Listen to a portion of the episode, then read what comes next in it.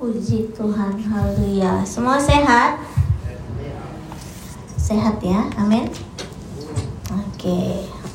Karena yang penting buat kehidupan kita adalah kita sehat. Puji Tuhan. Saya bersuka cita hari ini ya. Uh, praise and worshipnya seru sekali ya. Sehingga saya merasa seperti di sekolah minggu Tuhan Allah di tengah kita. Kan waktu kecilnya ya gini besar. Kalau guru sekolah minggu saya suruh gini besar besar. Tapi karena saya sudah besar saya diam aja. Besar. Ah, udah besar sebenarnya. Oke baik. Um, kita buka Alkitab kita di dua raja-raja dua ayat satu sampai Wahyu. Aku panjangan ya. Oke. Okay. Oke. Okay.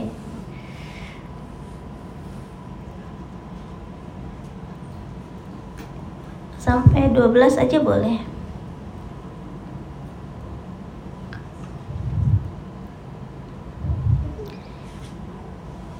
Udah dapet ya? Saya percaya ini yang ada di Monhotom, Mon-Mon yang lain ya yang sedang main sama Snow juga bergabung di ibadah online. Amin. Amin. Oh, saya dengar suaranya. Oke. Okay. Dua Raja-Raja 2 ayat 1 sampai 12. Perhatikan Alkitab masing-masing. Bukalah Alkitab masing-masing di mana pun apa pun bentuknya. Perhatikan baik-baik. Judulnya Elia naik ke surga. Menjelang saatnya Tuhan hendak menaikkan Elia ke surga dalam angin badai Elia dan Elisa sedang berjalan dari Gilgal. Berkatalah Elia kepada Elisa Baiklah tinggal di sini, sebab Tuhan menyuruh aku ke Betel. Tetapi Elisa menjawab, Demi Tuhan yang hidup dan demi hidupmu sendiri, sesungguhnya aku tidak akan meninggalkan engkau. Lalu pergilah mereka ke Betel. Pada waktu itu keluarlah rombongan nabi yang ada di Betel mendapatkan Elisa. Lalu berkatalah mereka kepadanya, Sudahkah engkau tahu bahwa pada hari ini Tuhanmu akan diambil daripadamu oleh Tuhan terangkat ke sorga? Jawabnya, aku juga tahu. Diamlah. Berkatalah Elia kepadanya, Hai Elisa, baiklah tinggal di sini, sebab Tuhan menyuruh aku ke Yeriko. Tetapi jawabnya, demi Tuhan yang hidup dan demi hidupmu sendiri, sesungguhnya aku tidak akan meninggalkan engkau. Lalu sampailah mereka di Yeriko. Pada waktu mendekat rombongan nabi yang ada di Yeriko kepada Elisa, serta berkata kepadanya, "Sudahkah engkau tahu bahwa pada hari ini Tuhanmu akan diambil daripadamu oleh Tuhan, terangkat ke sorga?" Jawabnya, "Aku juga tahu. Diamlah." Berkatalah Elia kepadanya, "Baiklah, tinggal di sini, sebab Tuhan menyuruh aku ke sungai Yordan." Jawabnya, demi Tuhan yang hidup dan demi hidupmu sendiri, sesungguhnya aku tidak akan meninggalkan engkau. Lalu berjalanlah keduanya. 50 orang dari rombongan Nabi itu ikut berjalan, tetapi mereka berdiri memandang dari jauh ketika keduanya berdiri di tepi sungai Yordan. Lalu Elia mengambil jubahnya, digulungnya, dipukulkannya ke atas air itu, maka terbagilah air itu ke sebelah sini dan ke sebelah sana, sehingga menyeberanglah keduanya dengan berjalan di tanah yang kering. Dan sesudah mereka sampai di seberang, berkatalah Elia kepada Elisa, Mintalah apa yang hendak kulakukan kepadamu sebelum aku terangkat daripadamu. Jawab Elisa, biarlah kiranya aku mendapat dua bagian dari rohmu. Berkatalah Elia, yang kau minta itu adalah sukar, tetapi jika engkau dapat melihat aku terangkat daripadamu, akan terjadi kepadamu seperti yang demikian. dan jika tidak, tidak akan terjadi. Sedang mereka berjalan terus sambil berkata-kata, tiba-tiba datanglah kereta berapi dengan kuda berapi memisahkan keduanya. Lalu naiklah Elia ke sorga dalam angin badai. Ketika Elisa melihat itu, maka berteriaklah ia, Bapakku, Bapakku, kereta Israel dan orang-orang yang berkuda, kemudian tidak dilihatnya lagi, lalu direnggutkannya pakaiannya dan dikoyakannya menjadi dua koyakan. Sampai situ dulu ya, panjang. Oke. Bapak Ibu Saudara, malam hari ini saya mau cerita tentang kalau kita bicara tentang kisah Elia sama Elisa. Ya, saya ceritain dulu nih. Takutnya ada yang nggak sekolah minggu terus nggak tahu nih siapa Bapak Elia dan Bapak Elisa. Jadi Bapak Elia ini suka melakukan mukjizat. Ingat dia minta uh, api turun dari atas, kemudian turun membakar persembahan. Setelah Israel kekeringan sekian tahun, akhirnya hari itu turun hujan tepat seperti yang difirmankan Tuhan.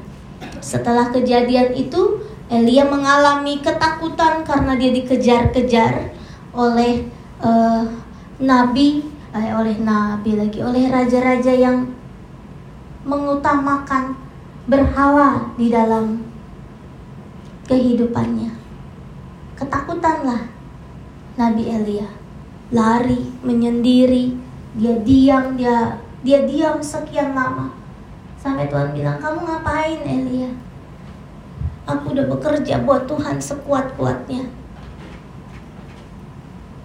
aku bekerja buat Tuhan sekuat kuatnya itu yang sering kita bilang ketika kita menghadapi masalah kan ya.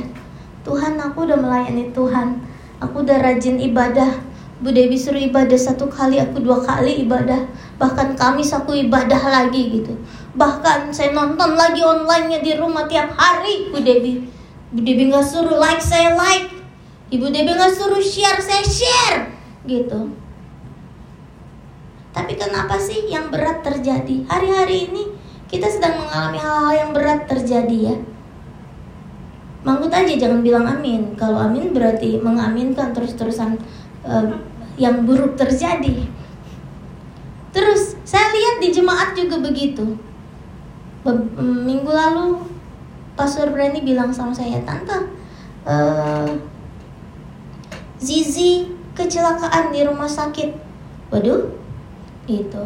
Terus saya telepon maminya.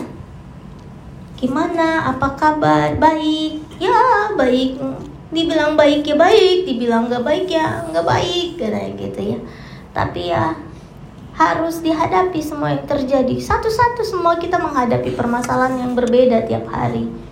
Ada minggu lalu ada yang kecil-kecil datang. Oma oma.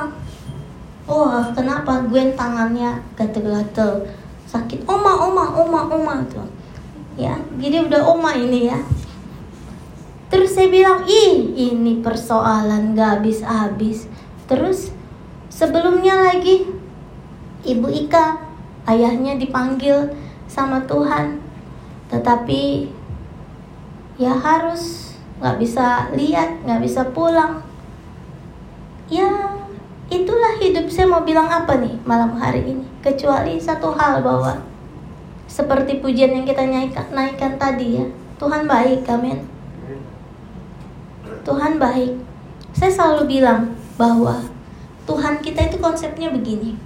Kalau surga dia berikan, apalagi yang di bumi. Amin.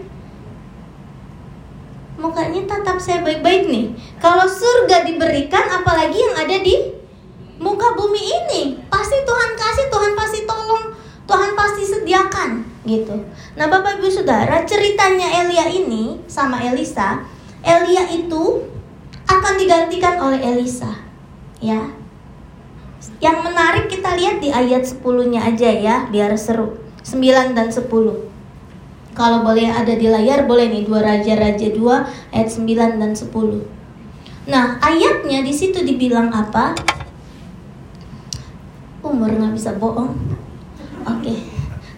Dan sesudah mereka sampai di seberang berkata Elia kepada Elisa, "Mintalah apa yang hendak kulakukan kepadamu sebelum aku terangkat daripadamu." Jawab Elisa, "Biarlah kiranya aku mendapat dua bagian dari rohmu."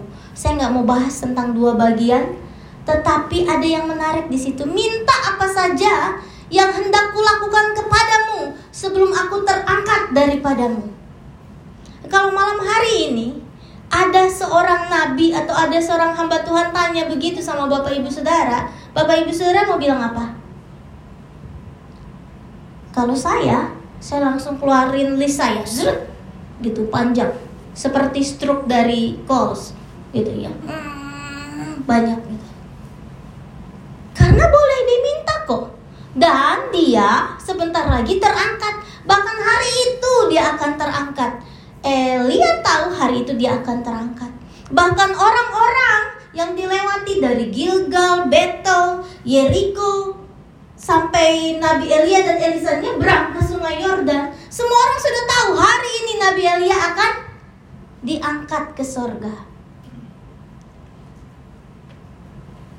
Dan hari itu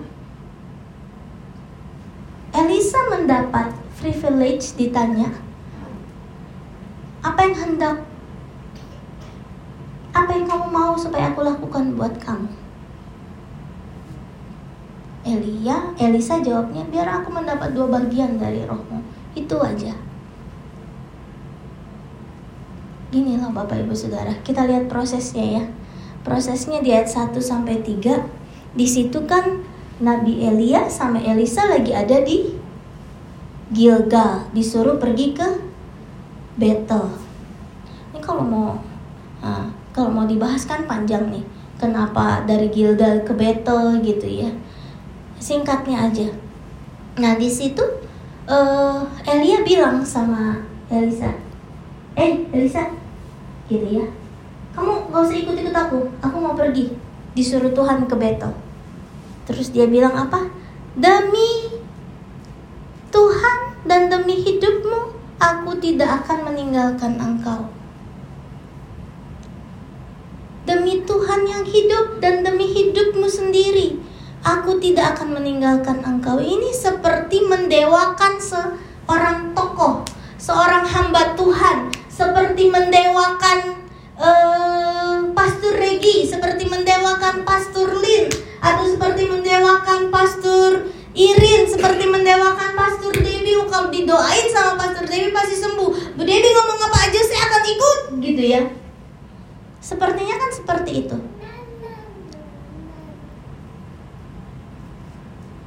Tapi Elia waktu itu bilang Aku gak akan tinggalin engkau Ini bicara soal apa sih?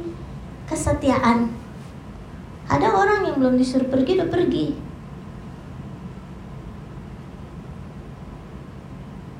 Ini sama seperti kisahnya Ruth. Gitu ya. Hal yang sama nih terjadi sama Elia dan Elisa. Aku harus pergi ke Betel gitu. Di Gilgal ada apa sih? Gilgal itu dipakai sama Yosua untuk mengingatkan tentang kelepasan bahwa lepas dari Mesir sampai ke tanah Kanaan, tanah perjanjian dari Gilgal ke Betel. Di Betel ada apa sih? Di Betel itu secara harafiah artinya rumah Tuhan, gitu. Terus ke mana lagi ke Yeriko? Dari Yeriko terus ke Sungai Yordan. Ngapain sih nyebrang lagi gitu? Sungai Yordan bicara tentang ketika bangsa Israel keluar dari Mesir udah melewati Laut Merah, terakhir juga harus menyeberang Sungai Yordan. Terus barulah masuk ke tanah yang dijanjikan, masuk ke tanah perjanjian. Semua yang ditulis Alkitab itu ada maksudnya gitu. Jadi artinya begini, setelah kita, kita tuh mesti ingat, dulu kita ada di situasi yang berat. Dulu kita dalam hidup dalam kesesatan, kemudian dilepaskan Tuhan. Setuju nggak? Tadi kan nyanyi tuh karya terbesar dalam hidupku gitu ya dari masa lalu yang buruk Tuhan selamatkan dari kesesatan Tuhan lepaskan terus artinya Tuhan, betul kan? Habis itu apa? Ya terus lagi lakukan proses sampai masuk ke tanah perjanjian. Tanah perjanjian itu apa? Surga yang kekal. Kita harus setia sama di mana tempat kita ada beribadah gitu loh.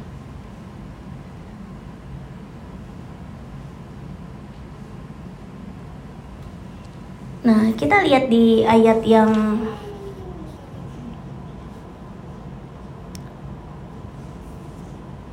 ketiga. Pada waktu itu keluarlah rombongan nabi yang ada di Betel mendapatkan Elisa lalu berkatalah mereka kepadanya, "Sudahkah engkau tahu bahwa pada hari ini Tuhanmu akan diambil daripadamu oleh Tuhan terangkat ke sorga?" Elia jawab, "Aku juga tahu, diamlah." Shut up gitu ya.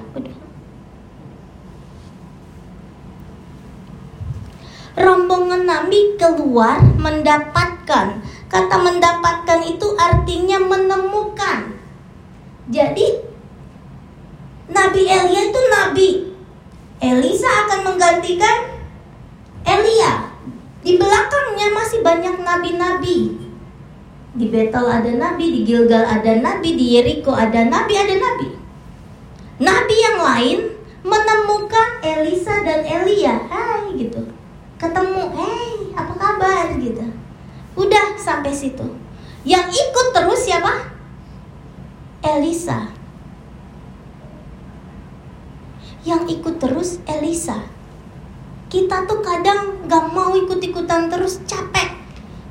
Apain sini? Stop, udah deh gitu.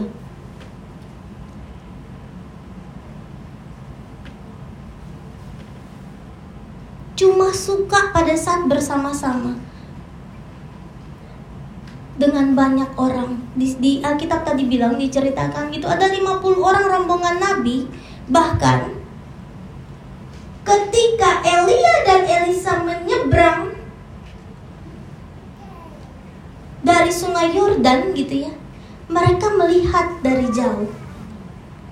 Nggak mau terlibat lihat aja dari jauh. Oh oke. okay terbelah lagi loh sungai Yordan oleh Bapak Elia. Wow, keren. Ingat-ingat kayak dulu ya. Zaman Yosua, iya betul. Tapi kamu gak terlibat cuma jadi penonton dan sibuk melihat dari jauh dengan kumpulan 50 orang. Hari-hari ini kita bukan harus ada di banyaknya satu kumpulan dan melihat muzizat tapi tidak mengalami muzizat melihat ditolong tapi kita tidak mengalami pertolongan. Sementara Tuhan kita begitu ingin menolong kita, begitu ingin terlibat dalam banyak kehidupan kita. Even sepertinya berat ya prosesnya. Tapi Kenapa sih Tuhan izinkan banyak persoalan perkara terjadi di kehidupan kita? Karena cuma satu Tuhan mau kasih tahu bahwa aku mengasihimu, aku mau membuktikan cintaku kepadamu. Nah, Bapak Ibu Saudara, kalau yang sering yang mengerti ini ini pengertian yang agak dalam buat saya ya. Kalau kita punya komitmen sama pasangan kita, suami istri, Pasti kita bilang dalam suka dan duka akan tetap ada. Supaya apa? Supaya cinta itu ter ter ter apa sih nih Bu? Terbukti. Ter tersesat, terbukti. Supaya cinta kita ter terbukti. Kan ada loh rumah tangga yang berantem begini gue kawin sama lu ya pak dari awal dari tahun pertama sampai tahun ke-15 ini kagak pernah gue senang susah terus penuh air mata gue nyesel kawin sama lu gitu ya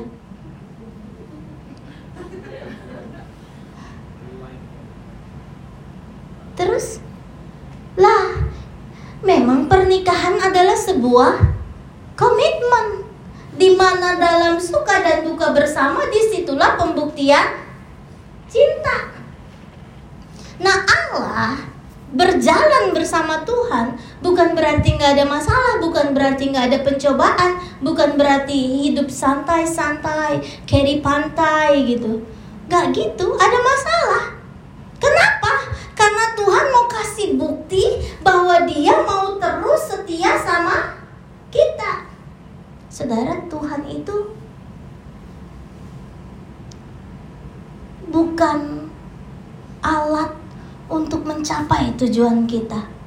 Saya ulang nih, Tuhan itu bukan alat untuk mencapai tujuan kita. Tuhan mau visa, Tuhan kasih visa. Tuhan mau pekerjaan, Tuhan kasih pekerjaan. Tuhan mau jodoh, Tuhan kas kasih jodoh. Terus lu kira Tuhan itu mesin yang pencet tombol masukin kartu terus keluar berkat apa itu namanya vending mesin pergi ke mana beli minuman masukin koin keluar minuman mau beli coklat cari vending mesin coklat masukin kartu ATM ah, kartu kredit keluar coklat apa itu artinya Engkau datang ke rumah Tuhan supaya Tuhan kasih lebih. Engkau menghampiri Tuhan supaya Tuhan kasih apa yang kamu mau. Engkau melayani Tuhan karena supaya dapat semua yang kamu mau. Nggak gitu konsepnya. Terus kalau Tuhan lagi nggak kasih, kalau mesinnya lagi rusak, mau apa? Mau marah, mau tendang. Ini mesin gitu ya. Ih, Tuhan kita nggak kayak gitu konsepnya. Nah, kita lihat di ayat yang ke uh, 10.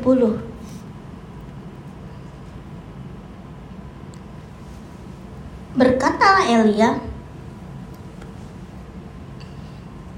kepada Elisa gini kan tadi Elia udah bilang kamu mau apa? Apa yang mau kamu aku lakukan buat engkau sebelum aku terangkat?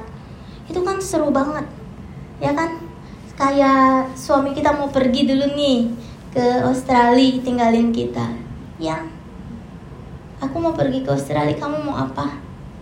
Ini Revo nih ini pengalaman Revo. Aduh Tuhan. Yang mau apa yang aku nggak mau apa-apa yang penting kamu cepat balik ya malam ini sebelum kamu pergi kita mau ngapain? Kita dinner ya. Candlelight dinner lah apalah gitu. Makan kue cucur ada lilinnya di depan gitu. Padahal makanannya kue cucur candlelight dinner. Oke. Okay. oke. Okay. terus? Oke okay, kita candlelight dinner dulu ya because ini hari terakhir sebelum kamu pergi aku nggak tahu kamu pergi tuh nanti urus visa apa terus mungkin nggak balik-balik gitu. Kayak Pak Jerry.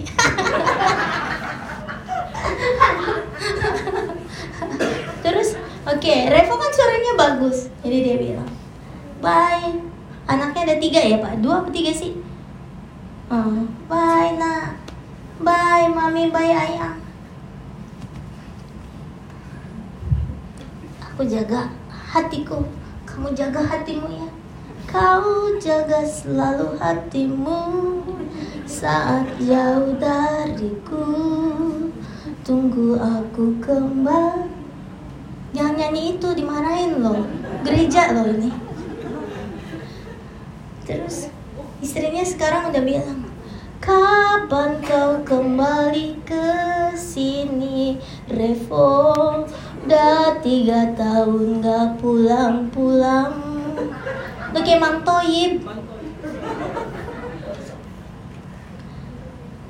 Kan kalau kita mau berpisah ditanya seperti itu Itu adalah sesuatu hal yang sangat uh, penting, menyenangkan, dan pasti dikasih. Tetapi di ayat 10 Elia bilang Hei, yang kamu minta itu sukar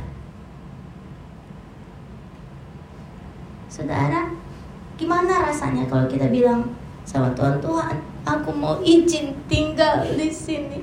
Terus Tuhan bilang, yang kamu minta Sukarna. Tuhan, aku mau dapat jodoh, mengingat masa lalumu. Itu hal yang Sukarna. Aku mau minta sembuh, mengingat gaya hidupmu yang dulu. Semua binatang berkaki kamu makan, itu hal yang sukar nak terus kita mau apa Kalau tahu begitu ngapain nanya tadi Bapak Elia?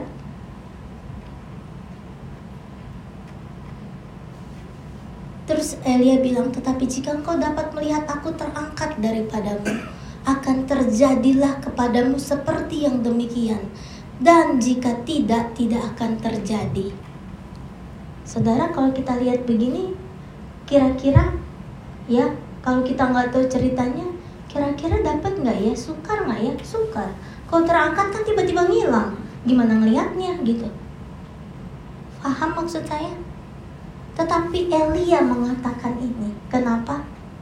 Diulang nih. Tetapi Elia, Nabi Elia mengatakan ini. Kenapa? Karena dia udah lihat. Dari Gilgal, Elisa ikut. Dari Gilgal ke Betel, Elisa ikut. Dari Betel ke Yeriko ikut. Mau nyebrang ikut ada hamba-hamba Tuhan yang lain, ada nabi-nabi yang lain di tiap kota, ada. Tapi yang ngikutin terus cuma Elisa. Hei, jangan mikir bahwa kamu akan dijawab doanya, Tuhan akan berkati, Tuhan akan tolong kalau nggak mau ikut-ikutin Tuhan. Sadar, woi. Jangan ke gereja karena ada maunya. Elisa ikutin Elia bukan karena tahu bakal ada tawaran. Kebanyakan pendeta kasih tawaran berkat kesembuhan dan sebagainya. Makanya banyak penuh gerejanya. Kenapa? Akan ada pertolongan, akan ada mukjizat, akan ada bla bla bla bla bla. Ya betul gitu. Tetapi kalau tujuannya cuma segetar itu, heh, Tuhan juga memang gak ngerti apa. Saudara tahu kan? Kalau anak kecil misalkan gue Mami, Mami, dia udah nyender-nyender di kulkas. Maminya akan bilang apa? Gwen, karena dia udah kasih snack es krim. Masa mau snack es krim lagi? Padahal baru nyender doang loh di kulkas. Tapi maminya udah tahu. Terus maminya bilang, no no no. Kenapa? Udah tahu gerak geriknya. Tuhan tahu loh gerak gerik kita sekarang mau ngapain nih. Kenapa nih engkau datang beribadah?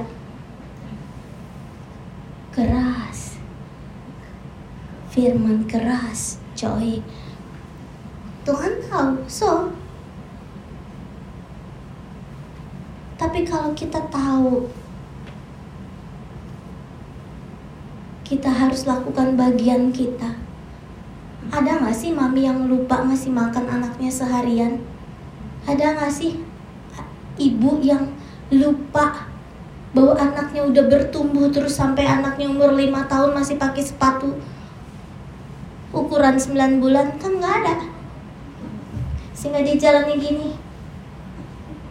Karena sepatunya udah kekecilan. Kan nggak ada. Paham maksud saya itu yang Alkitab bilang sebelum engkau berdoa aku udah tahu apa yang kamu butuhkan tetapi yang aku mau adalah engkau terus ada di dalam hadirat Tuhan, terus ada di dalam trek kebenaran firman Tuhan, maka semuanya baru akan dikasih ke kamu, ditambahkan kata Alkitab. Gini loh Bapak Ibu Saudara. Elia ini ikut-ikutin Elisa bukan karena dia tahu bakal akan dapat tawaran, bukan. Kenapa? Karena Elisa pun diangkat untuk menggantikan Elia karena Allah mau menghukum Israel.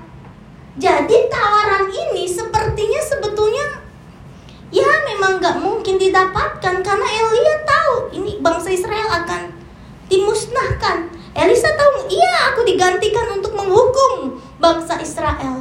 Tetapi di tengah situasi seberat apa pun, di akhir hampir kenaikannya Elia masih ada tawaran buat Elisa. Tuhan kita tuh kayak gitu. Pada saat kita lihat aduh kayaknya nggak mungkin aduh kayaknya mustahil dan sebagainya.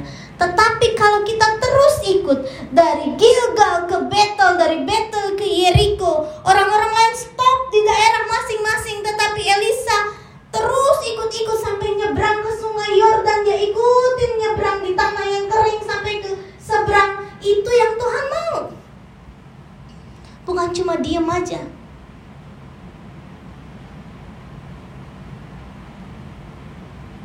ketika kita ikut ikut ikut terus melakukannya. Tuhan akan bilang, "Kamu mau apa sih?" Walaupun mungkin kita rasa, "Oh, permintaanku rohani ini permintaannya Elisa kan rohani, aku minta dua bagian roh. Aku nggak minta harta, tapi aku cuma minta dua bagian roh, yaitu apa urapan dari Bapak Elia, dua bagian buat aku." Permintaannya rohani kan? Bukan minta harta, bukan minta ganti mobil, bukan minta visa bukan minta istri yang baru bukan eh bukan minta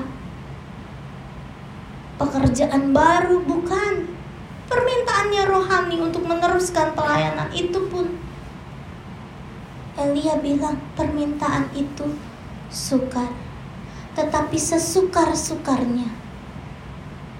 Elia tahu karena ini anak sudah setia dari Gilgal sampai nyebrang sungai Yordan menyeberang sungai Yordan, maka aku akan izin, maka Allah Bapa di sorga mengizinkan, izin dengar baik-baik. Tetapi karena Elia ini setia mengikuti Elisa sampai ke seberang sungai Yordan, maka Bapa di sorga mengizinkan, diulang lagi, maka Bapa di sorga Allah kita mengizinkan Elisa melihat Elia naik dengan kereta kuda api, kuda api, kereta api, semua serba api dia bisa lihat. Harusnya nggak ada yang tahan bisa lihat hadirat Tuhan. Tapi diizinkan lihat. Artinya apa?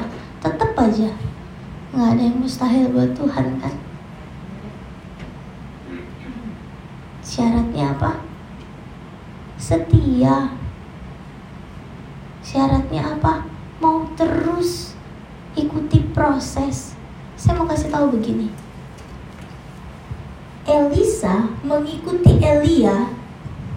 Tahu nggak kelemahannya Elia? Tahu dong. Tahu. Elisa mengikuti Elia terus ke mana-mana. Tahu nggak borok-boroknya Elia? Tahu. Lagi marahnya, lagi banting pintunya, lagi mudinya, lagi waktu dia uh, depresi, dikejar-kejar, menangis, nggak mau makan, tahu nggak? Cerita itu tahu nggak ya Lisa? Tahu. Kenapa mau tetap setia sama nabi yang seperti itu? Karena dia tahu di balik nabi itu ada Allah yang besar.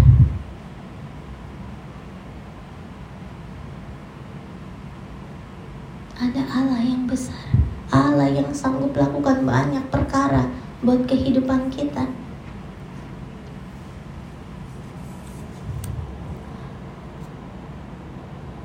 Coba malam hari ini kita renungkan. Kita nih siapa?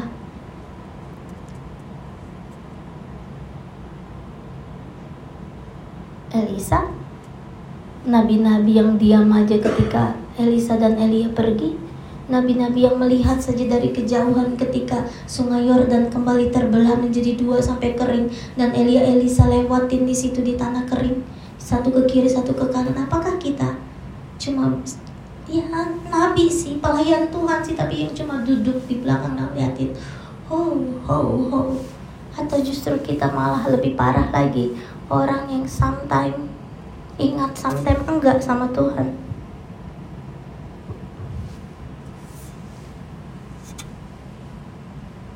Coba pikir baik-baik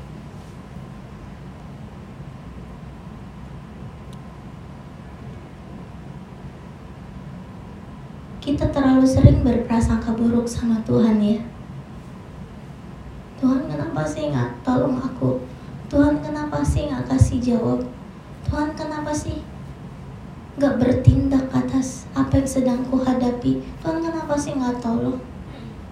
Saudara hari ini saya cerita nih ya. Anak saya itu uh, sedang bolak-balik ke psikolog saya sebetulnya satu sisi saya malu ngomong gini kok anaknya pendeta bolak-balik ke psikolog ya? Depresi tertekan ya? Mamanya gak bener nih mamanya. Tapi ada banyak cerita di balik itu kenapa sampai dia menghadapi hal seperti itu. Anak saya nemuin dokternya kan apa psikologisnya bilang dokternya bilang oh saya harus cerita bagaimana dia di kandungan saya? Saya mengandung dalam kondisi seperti apa? Dia lahir dalam kondisi seperti apa? Panjang ceritanya. Sampai dia tahu bahwa oh there's a part of your life that make issue in me dia bilang. Wah sakit hatiku. Dari kepala sampai ujung kaki. Ada dari bagian hidupmu yang akhirnya aku kamu wariskan ke aku malam hari ini pelajarannya apa hati-hati dengan hidupmu itu diwariskan ke anakmu kok jadi nenek hati-hati sama anak, mantu sama cucumu. Diwariskan nanti ke cucumu. Gitu. Terus saya bilang, so gimana Ken? Maafin aku ya.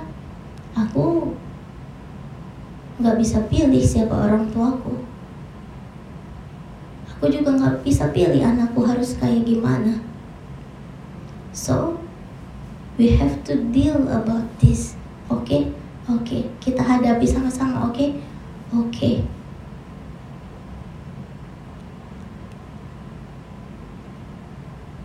Jadi, kita nih mesti tahu kenapa Alkitab bilang hidup seperti Kristus, kudus seperti Kristus. Hati-hati dengan langkahmu. Kenapa? Ada banyak hal yang akan ditanggung dengan generasi-generasi berikutnya. Gitu.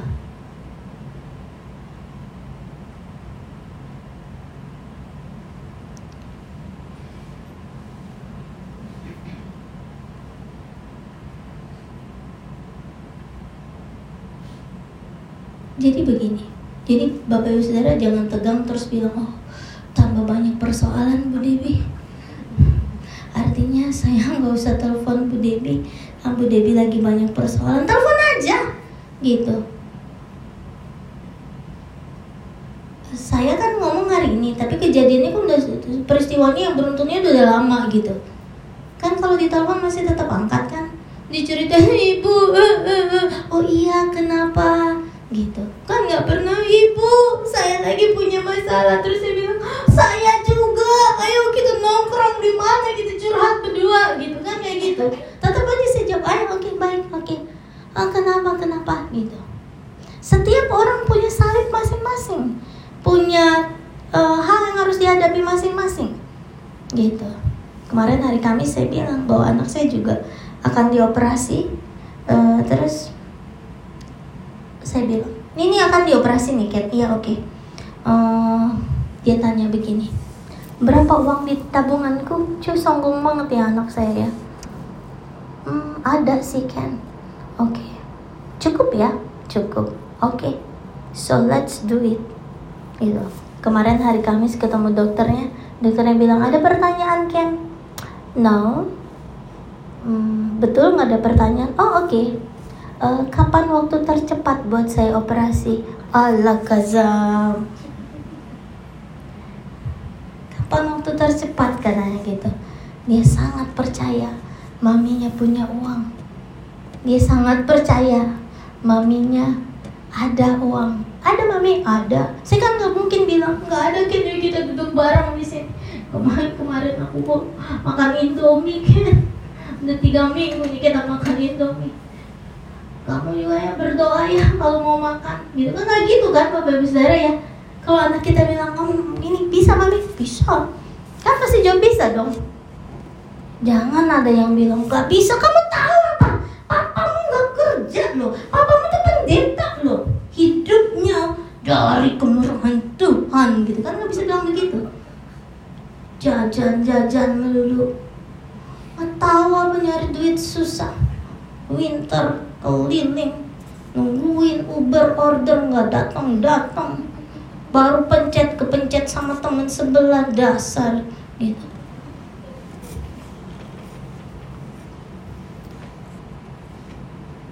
Oke mami oke. Tadi sore dia tadi siang tiba-tiba dedinya bilang Ken aku mau vacuum gereja. Oke aku ikut. Mau ngapain? Mau vacuum juga. Aduh Tuhan enak kesambet apa ya? Pertama kalinya dia vacuum gereja. Terus pulang bapaknya bilang Ken uh, ini ada upah. Dikasih amplop ada upah buat kamu. Wow money money dia bilang gitu kan. Terus bapaknya belum buka tuh ada yang kasih amplop. Bapaknya belum buka. Terus bilang bapak yang bilang ya adalah mungkin berapa ratus dolar katanya gitu dia buka di atas tempat tidurnya dia gini one two three four wow dia bilang terus wow that's enough for my surgery dia bilang so you don't need take it from my bank account Bapak Ibu Saudara tahu siapa yang buat itu? Ya Tuhan Yesus ya. Saya nggak boleh bilang sekuat apa sih saya berdoa buat itu? Saya belum berdoa. Jujur kan? Kalau kalau itu kan harus jujur nih. Saya belum berdoa loh buat dia punya biaya surgery belum. Kliniknya bilang paling telat dua minggu ya harus bayar. Lalalala. Oke. Belum berdoa nggak sempet kan sibuk ya ceritanya belum berdoa tuh anda kasih belum berdoa tuh anda jawab. Bapak Ibu Saudara ngerti nggak maksudnya? Terus ah ibu pendeta jadi dikasih. Ada aja berkat yang aneh-aneh kan kalau pendeta. Nggak gitu. Nggak gitu. Konsepnya nggak gitu. Nabi Elisa mengalami karena dia turut terus sama Nabi Elia. Nabi-nabi yang lain yang ada di Gilgal, yang ada di Betel, yang ada di Jericho harusnya juga kena harusnya juga dapat berkat yang sama, harusnya juga dapat kemurahan yang sama. Tetapi karena dia diam, tidak ikut menyertai, malah lihat dari jauh, wow, wow, wow, wow, wow. Terus dia kayak mungkin deh, ngapain sih ikut-ikut? Paling nggak lihat nanti kalau kita berdosa kan kita mati kalau lihat api Allah gitu kan. Jangan jadi orang yang diam, nggak mau ambil bagian, nggak mau ikut terus mengerjakan, hanya menjadi penonton orang lain mengalami mukjizat hanya karena Ngana tinggal di Australia apa-apa jadi duit. Kok apa-apa jadi duit? Iya. Apa-apa jadi duit sekarang. Kalau ada orang di Australia nggak punya duit berarti dia malas ala kazam-zam. Alasan mau kerja pasti dapat duit kan? Pernah dengar kesaksiannya Sam? Dia iseng-iseng punya apa dia jual dia beli dia jual balik modalnya kecil jadi pasar mau dikerjain pasti banyak uang dan kita ngerasa bahwa karena saya ada di Australia apa apa jadi duit ya nggak perlu terlalu perlu Tuhan lah. Nggak mau ikut proses terlalu banyak lah.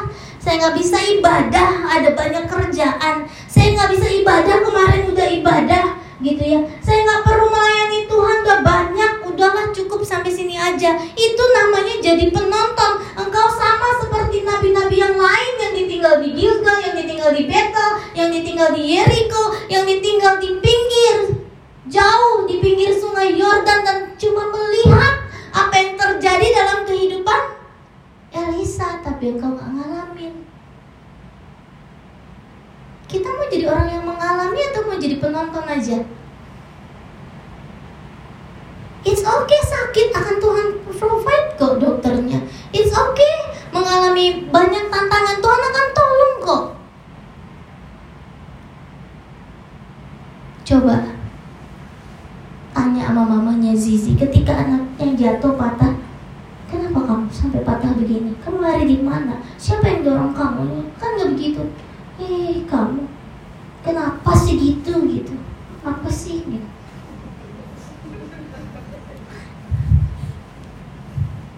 sambil tiktokan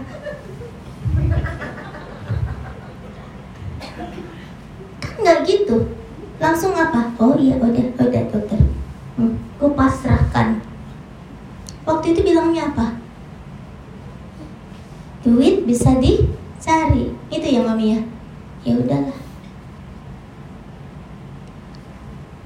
syukur-syukur ada Medicare pasti selesai ya udahlah nggak perlu lagi tuh udah udah udah nyanyi siapa siapa yang dorong? Bu guru bu guru bu guru ini siapa yang buat anak saya jadi begini? Nggak gitu kan? Tapi kita percaya Allah ada bersama-sama dengan kita. Udah ya marah-marahnya. Jadi hari ini yuk serius lebih serius lagi sama Tuhan. Diberkatin mah udah pasti ditolong Tuhan mah udah pasti.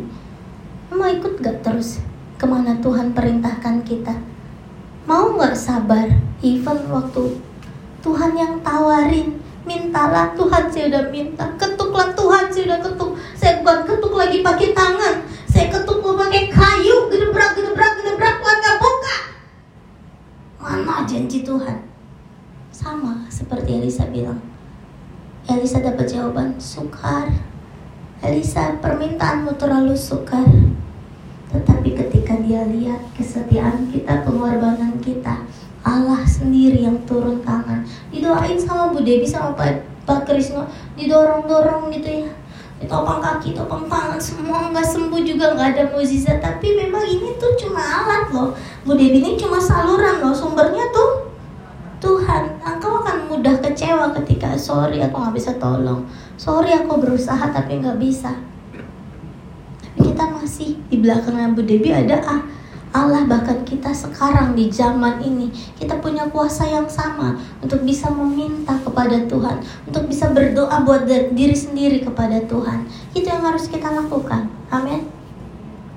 Oke okay. udah kelamaan khotbahnya. Saya undang singer song leader